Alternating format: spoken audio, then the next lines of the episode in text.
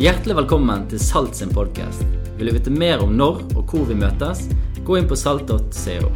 20.-22. september vil vi gjerne ønske deg velkommen til årets salgkonferanse. Den finner sted i vår nye storstue, Forum, og vi gleder oss til å fylle huset og helgen med lovsang, latter og lidenskap for Jesus. Årets tema er 'Når vi kommer sammen'. Og Med oss denne helgen har vi Glenn Barrett fra Audacious Church i Manchester, Silje Bjørndal, generalsekretær i KRIK, Cornelia Brego fra Pinsekirken Ålesund og mange flere. Gå inn på vår nettside eller direkte til checkin.no for å sikre deg din billett. Og nå ukens budskap. God lytting. Vær så god. Skal dere få sitte ned. Det er det vi tror på. At eh, Guds godhet leder oss til å vende om retning i livene våre. Og som statsministeren sier her, denne verdien av tilgivelse den er utrolig viktig. Jeg er utrolig glad for, eh, og jeg gjentar meg sjøl nå, at eh, statsministeren ville komme til oss eh, på, på denne gudstjenesten. Og så er jo det sånn at Vi som har studert teologi, har jo lært at vi har egentlig bare ett publikum når vi, når vi, når vi synger lovsang og driver med, med kirkelig virksomhet. Og sånn, og det er jo Vår Herre selv. ikke sant? Men akkurat i dag så føler jeg at det er bare hun. Eh, eh, men det får, jeg, det får jeg leve med. Nå må jeg ta ansvaret mitt for, for flokken også. i løpet av de neste minuttene. Eh, en av de første tingene som vi lærer eh, barna våre, vi som har små barn, det er at vi lærer dem opp til at hvis barnet eh, mister mamma og pappa en gang når vi er ute på tur i en dyrehage eller på et kjøpesenter eller på Ikea, eller noe sånt som det, og de er sammenlignbare, alle de størrelsene, så, så er det sånn at vi sier til ungen at eh, nå, eh, hvis jeg mister deg, så må du stå i ro helt til jeg kommer og finner deg. Fordi at Hvis vi ikke står i ro, så er det slik at vi kommer til å gå rundt hverandre og vi kommer til å gå forbi hverandre, og det tar kjempelang tid før vi finner hverandre igjen. Jeg husker når eh, sønnen vår, han mellomste Jeg sier ikke navnet her, fordi det blir jo kjent i hele Norge hvem han er da, men jeg sier bare han mellomste. Det er kodeord for Philip. Han, han, eh, han ville ikke være med meg. Jeg mener det var nede på Synthuset her i Bergen. fordi Vi var i en av etasjene, men han bare pilte inn trykket på knappen, og så pilte han ut i den etasjen han gikk i. Og det var jo fullt av folk. Og jeg og moren fikk absolutt panikk. Løpte rundt i alle etasjene. Det var sikkert noen som hilste på oss eller var opptatt av at vi skulle kjøpe et eller annet, en eller annen plass i de butikkene. Men det eneste vi visste å gjøre, var at vi måtte lete etter han vi hadde mistet, inntil vi fant han. Når vi leser Bibelen, dere, så er det sånn at vi leser i en bok som ble skrevet til en annen tid enn vår. Og så er det noen ting som vi må tolke, det er noen ting vi må forsøke å bruke enda mer tid på å hente over til det moderne Norge i dag. Eh, men det er en, noen evige ord i Bibelen sin fortelling. Eh, og De evige ordene de kan vi hente inn til livssituasjonen vår i dag. Og så kan vi se at Gud eh, og hans kjærlighet det er like overførbart til Norge i 2019 som det var i det første århundret når det ble skrevet. Og Jeg er veldig opptatt av Lukas' evangeliet nå for tiden. fordi at Lukas' evangeliet det er en av de fire beretningene om historien om Jesus. Og Den er ganske annerledes enn Matteus, og Markus og Johannes sin fremstilling. Fordi at eh, I Lukas' evangelium så er eh, Lukas opptatt av å forklare oss at Jesus var alltid på de små sin side. Og En gang så hadde han samlet eh, noen av de samfunnsdebattantene som var på den tid, de var religiøse ledere. De var samlet, og de murret står det, at, over at Jesus han eh, var venn med syndere og tollere. De likte ikke de folkene som Jesus likte å være sammen med. Og Det står i Lukas kapittel 15 helt i begynnelsen at han tok imot. og Det får ikke fram tyngden av de ordene, sånn som det står på gresken. Fordi at eh, Jesus han så med iver fram til å være sammen med de folkene som de andre ikke likte. Han gledet seg til å være med de folkene som var utafor. Litt sånn som han yngste, da, sønnen vår, som sendte meg melding her i vår. Han er ganske flink på skolen, men han er også veldig glad i sommerferie. Han skrev melding til meg her i april. I dag er det 56 dager og tre skoletimer til sommerferien. Eller som meg når jeg eh, skulle gifte meg. Jeg gikk på skole det året jeg skulle gifte meg. og Jeg eh, laget 156 små ruter i kladdeboken min, og så krysset jeg av én for hver dag før jeg skulle gifte meg med bruden som sitter her nede. Og da tenker du Giftet han seg når han gikk på skolen? Ja, det gjorde jeg. Vi ser nesten like ut på konfirmasjonsbildet som på bryllupsbildet. Fordi konfirmasjonsbildet ble tatt uken etter bryllupsbildet. Eh, Det å se fram til noe, det å glede seg, det å ha en forventning til at noe stort skal skje, det handler om hvilken holdning man har overfor et annet menneske. Jesus ville være sammen med de som var utenfor. Så Han fortalte en gang denne historien her, og det var jo folk som var opptatt av landbruket, som var foran han, og Det er ikke så mange av de her, det er jo noen vestlendinger selvfølgelig her, men, men, men han fortalte historien og sett, hvem av dere, hvis dere hadde 99 sauer ville ikke forlate de 99 sauene og gå etter den ene sauen som var borte. Og Alle som var i forsamlingen den dagen, de nikket jo selvfølgelig. Det er jo opplagt. det. Har du 99, så vet du hva du har. Men det er jo den som du har mistet, som du må gå og lete etter. Og så sa han det var en dame. Hun hadde et smykke med ti mynter eh, rundt halsen. Det står ikke i teksten, så men mest sannsynlig så var ikke det bare en penge hun mistet. Hun mistet en penge som hadde en affeksjonsverdi for henne, som mest sannsynlig betydde at hun var trolovet til noen. Så hun mistet en mynt. Og, og Hun begynte å vaske hele huset sitt. Og når hun hadde vasket hele huset og skrudd fra hverandre Ikea-møblene og leitet under sengene og bak kjøleskapet, så fant hun mynten sin. Og når hun fant den, så inviterte hun naboen over på Tupperware-party, fordi at det som var mistet, det hadde nå blitt funnet igjen. Jesus forteller to historier for at vi skal vite det at først er det noe som er mistet. Så er det en som aktivt leiter, og så er det en fest. Og Det Jesus gjør når han kommer inn mot disse folkene som eh, er så opptatt av at vi bare skal være med de riktige folkene, det er at han sier at Gud, sånn som vi kjenner han, er ikke en gud som sitter i en gyngestol og lener seg tilbake og er bare opptatt av de som får livet til. Nei, Gud er en gud som er opptatt av de som ikke får livet til. Og Det er derfor jeg er så utrolig glad i Lukas' evangelium. Jeg er litt sånn hekta der akkurat nå i den perioden. Holder på å jobbe litt med det der. Og det som er interessant, vet du, det er at de, når, vi, når vi forkynner juleevangeliet i Matteus, så er det vismenn fra Østen som får lov til å bære bud om at Jesus er blitt født. Men hos Lukas så er det gjeterne på marken som får lov til det. Og eh, I de andre bibelfortellingene så er det mennene som er i sentrum, men det er alltid kvinnene som er i sentrum. Og så er det de med finkulturen som får besøk først av sånne engler og, og liksom får liksom framtredende posisjoner. Men hos Lukas så er det de lave og de marginaliserte og de som er utenfor og kommer fra en annen etnisk gruppering, som får all oppmerksomheten. Jeg liker Lukas. Jeg tror Lukas har noe å lære oss i den norske samfunnsdebatten også. Fordi at Jesus han kom ikke til vår verden dere, fordi at han eh, skulle oppsøke de som fikk det til. Han kom til vår verden fordi han skulle inkludere de som ikke får det til. Og Det inkluderer alle oss som er samlet her i denne kulturarenaen i kveld. En av de mest eh, innflytelsesrike pastorene i eh, Nord-Amerika og i verden for øvrig er pastor Rick Warren, som har vært pastor i den samme menigheten i over 40 år. Og eh, var med å be for Barack Obama når han ble president i 2009. Han sier dette. At vår kultur har akseptert to store løgner.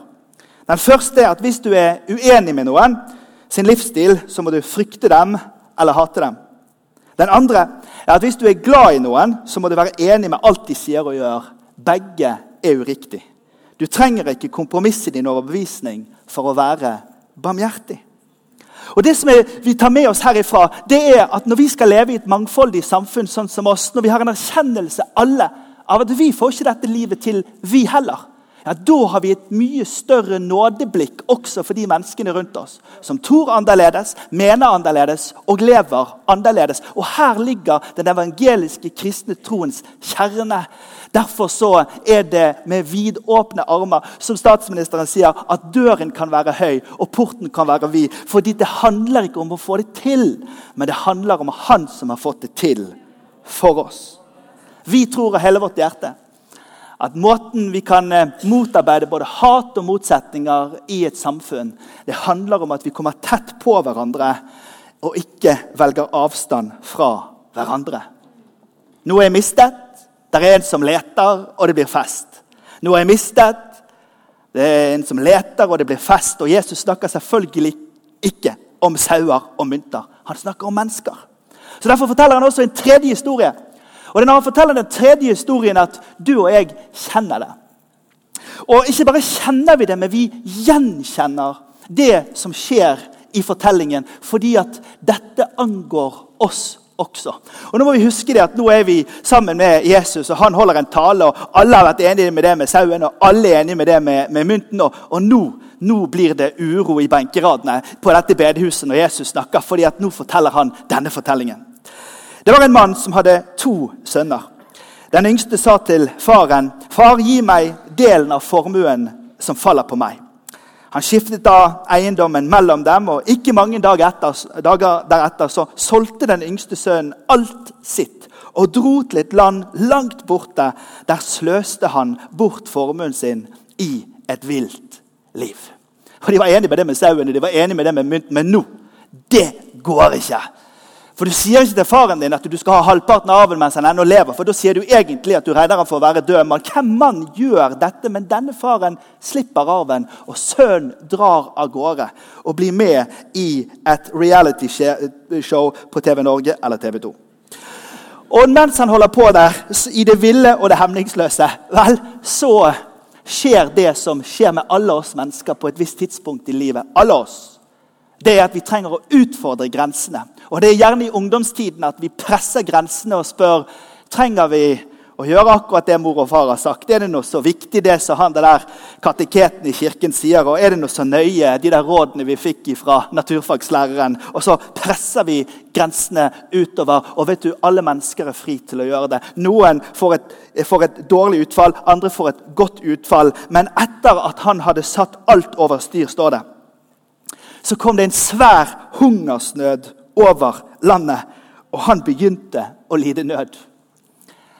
Og De som kjente bibelfortellingen, de som satt i en flokk sånn som dette, hørte Jesus fortelle den dagen. De visste at i det øyeblikket du kobler inn hungersnød, så er det en sånn oransje flagg på at nå, nå rumler det i hele skaperverket her. Gud er nok bakom alt dette for å peke på en sult og en tomhet som er utover det som er enkeltmenneskene sitt. Hungersnøden gjorde at han opplevde at han var tom han var tom for venner, han var tom for penger, han var tom for energi. Han var så tom at omstendighetene hans knekte han, og dette skjedde. Han gikk, og så søkte han tilhold hos en av innbyggerne der i landet. Og Mannen sendte ham ut på markene sine for å passe grisene. Og Han ønsket bare å få mette seg av belgfruktene som grisene åt. Og ingen ga han noen ting som helst. Og nå på dette tidspunktet så koker det på det bedehuset hvor Jesus taler. Fordi at nå er det noen som reiser seg på stolen og sier han fortjener det. Han kan bare ha seg ut i de der grisene. Han tar vi avstand fra. Tenk å snakke sånn til faren sin. Og det var reaksjon på reaksjon i rommet. Sånn som det er reaksjon på reaksjon i vårt samfunn når noen lever og oppfører seg annerledes. Kanskje på en måte som vi mener at de fortjener det. Han var helt tom. Og Historien for de som leste dette første gangen, var at han var også helt på bunnen. For han hadde fått en melding fra faren sin. Det var at eh, hvis du går bort fra meg, så må du bli stående, så kommer jeg og finner deg. Men han slapp taket som sønn, og så fant han seg sjøl som slave. I en situasjon hvor han nå var knyttet til en som lot ham få mat med noen griser. Lavere enn det kommer ikke du. Men jeg har vært pastor i Bergen i 20 år har reist rundt omkring i dette landet altfor mye, kanskje, mener noen i familien min. i alle fall. De spurte meg en gang barna når jeg kom hjem, hva er det egentlig du driver med på de pastorferiene dine. Men jeg har truffet så utrolig mye folk i dette landet. Folk som eh, har knyttet seg til karrieren sin fordi at det er karrieren som er det viktigste. Og så har det bare gått så det har gått med ungene og de andre verdiene i livet fordi at man er blitt knyttet til. Jeg har møtt folk nede på, i, over til Puddefjordsbroen der, eller når vi har vært med Evangeliesenter her i Øvregaten og, og truffet folk som har knyttet livet sitt til rus og har en fortelling om at en gang slapp jeg tak, og så ble dette mitt liv. Jeg har også truffet de som løper. vet du. De løper mil på mil på tredemøllene fordi at alt handler om å opprettholde dette skroget her og holde på med helse og velvære. Og noen er så opptatt av de der modellflyene at eh, det får bare våge seg om det brenner i garasjen. Saken er den at når du slipper taket på han, så må du også knytte deg til noe. Du trenger ikke tro det, men saken er den at alle vi mennesker vi knytter oss til noe. Og det koker i dette bedehuset når de hører denne fortellingen. Men så står dette Da kom han til seg selv. Og Hvis du i kveld før du legger deg tar og gjør et raskt Google-søk på det å miste seg selv, så vil du finne utrolig mange treff i Norge på det å miste seg selv. For det gjør vi mennesker. Vi mister oss sjøl i karrieregreiene, vi mister oss sjøl i helsegreiene. Vi mister oss sjøl i avvik og i avstandstagning og i krangling og relasjonsbrudd. Vi har en tendens til å miste. Men, men, veien tilbake igjen det handler om å komme tilbake igjen til den man selv er. Og vet du, Det fins psykologiske måter å gå på. Det fins eh, medisinske måter å finne den veien tilbake igjen. Og så fins det også en teologisk måte å finne tilbake igjen. Og Nå sier ikke jeg at du må tro meg, men nå er jeg teologen i rommet, og jeg forkynner her i noen få minutter til. Og jeg tror at når han slapp taket der hjemme hos han faren som var glad i han, så eh, mistet han ikke bare relasjonen til sin far, men han mistet noe av seg sjøl. Og jeg tror at Gud han har skapt oss mennesker med et tomrom her inne, så vi kan forsøke å fylle med alt mulig annet, men det er noe med at det å komme hjem, det å finne seg selv, det er også å finne tilbake igjen til den guden som har skapt oss. Og Her står det i vers 17. Da kom han til seg selv og sa.: Hvor mange leiekarer hjemme hos min far har ikke mat i overflod, men jeg sitter her, og jeg sulter i hjel. Og han erkjenner at bare å få lov til å jobbe som, som tjener hjemme på gården til faren min, det er mye bedre enn det livet som jeg sitter i her. Og så husker han tilbake inn til den gangen hånden glapp. Og så husker han at, at, jeg skulle jo stå i ro jeg, til jeg ble funnet, men jeg har jo bare virret rundt og forsøkt å finne det sjøl. Nå er jeg nødt å gjøre en bestemmelse. Jeg må finne veien hjem igjen. Jeg vil bryte opp igjen og gå til min far og si, 'Far, jeg har syndet mot himmelen. Jeg har syndet imot deg.' 'Jeg fortjener ikke lenger å være sønnen din.' Men la meg få være som en av leiekarene dine. Så dermed så brøt han opp, og så begynte han å gå hjemover. Og dere Jeg, eh, jeg elsker Norge. Og jeg syns det er fantastisk, dette landet vårt. da. Vi har nå 500 år med luthersk kristendom, og vi har eh, et par hundre år med lavkirkelighet, og så har vi 100-150 år med frikirkelighet. Og langs denne veien så har vi gjort mye bra, og så har vi samtidig også gjort det noen ganger vanskelig for folk og komme hjem igjen. Fordi at Istedenfor å peke på det som står i disse versene her om at det fins en lengsel til en tilgivelse, det fins en lengsel til et bedre sted, så har vi påført skam som en måte å prøve å få folk til å endre sin mening. Men her i disse versene her så finner vi oss sjøl. Vi finner oss sjøl i det at vi opplever at vi får ikke dette livet til, vi heller. Men det fins én som kan få det til for oss. Vi alle sammen har våre ting i livet vårt som gjør at vi ikke kan slå oss på brystet og si at 'dette klarte jeg'. Men det er én som har klart det for oss. Og Du som frekventerer Den norske kirke, dere har jo denne synsbekjennelsen som jeg egentlig mener vi burde ha her også. Hvor vi bare rett og slett står kollektivt, uansett om vi har fine klær eller stygge klær. Uansett om vi er akkurat blitt oppsagt fra jobben eller fått en, en, en, en ny jobb. Uansett om vi er lykkelige eller ulykkelige, så står vi alle sammen og så sier vi vi erkjenner at dette livet her, det trenger vi hjelp med. Og vet du, Jeg tror det er det pastor Rick Warren er inne på når han sier at det, er ingen problem å vise godhet og kjærlighet overfor mennesker som lever annerledes og tror annerledes, hvis vi har innstillingen av at vi sjøl er slike som også trenger hjelp. For når vi erkjenner at vi trenger Guds nåde, ja, da blir vi også nådefulle overfor vår neste. Det som Magnus Malm, den svenske forfatteren, sa her etter det eh, støyen vi hadde de siste årene, hvor, hvor frontene ble så harde i den svenske eh, eh, offentlige debatten. og Så sa han dette. Hvem hadde vel trodd at, at i et land hvor vi har avskaffet synden, så har jo vi rett og slett også avskaffet nåden. Fordi at Om vi ikke erkjenner at vi alle sammen er sånne som trenger nåde, vi alle sammen er sånne som trenger gjenopprettelse, vi alle sammen er sånne som trenger å si 'tilgi meg' ja, da blir vi harde mot hverandre, så han begynner å gå hjemover. Og Mens han ennå var langt borte, så fikk faren se ham. Og han fikk inderlig medfølelse med ham. Altså, det er jo slik at Noen mener at Gud er mest opptatt nå med hvem som skal vinne det amerikanske presidentvalget til neste år. Jeg har en nyhet for dere. Han er mer opptatt av det norske valget. Nei, han, han, det, vår Herre, vår Herre har, han holder hele skaperverket i sin hånd. Og han har mer enn nok orden i bakrekkene til at han ser etter alle de som er mistet. Han ser etter en sau, han ser etter en mynt, han ser etter en sønn. Han ser etter deg, han ser etter meg, fordi at vår Gud han speider i den retningen vi dro. Fordi han vet at en dag så skal vi komme tilbake igjen, og så skal vi ta tak i det, hånd, det håndtaket igjen. Og så står det fordi at han hadde inderlig medfølelse med dem. Han løp sønnen sin i møte. Og de av dere som har lest litt om denne kulturen, så er det slik at det gjør ikke menn på, dette, på, denne tiden. Altså, det Han gjorde var at han løftet opp kjortelen sin. Det kan ikke denne pastoren gjøre, for han har altfor trange bukser. Men man løfter altså da opp eh, kjortelen, og han fornedrer seg selv for å gå denne sønnen sin i møte. Og nå koker det på bedehuset. For nå er de sinte. Han gutten i grisegreiene, han som sa at halvparten av arven skal gis vekk, han, jeg håper han faren tar rennfart, så han knuser til han idet han kommer opp på tunet. Det er det de håper at skal skje. De står og roper bak på stolene, fordi at nå håper jeg virkelig at han tar igjen. Nei, han gjør det fordi han har inderlig medfølelse. Han fornedrer seg sjøl og springer han i møte. Og Da begynner sønnen å si, 'Far, jeg har syndet mot himmelen. Jeg har syndet mot deg. Jeg, jeg fortjener ikke å være sønnen din.' Men faren sier til tjenerne sine, 'Folkens, denne kiden her skal ikke kjenne noen som helst partyskam.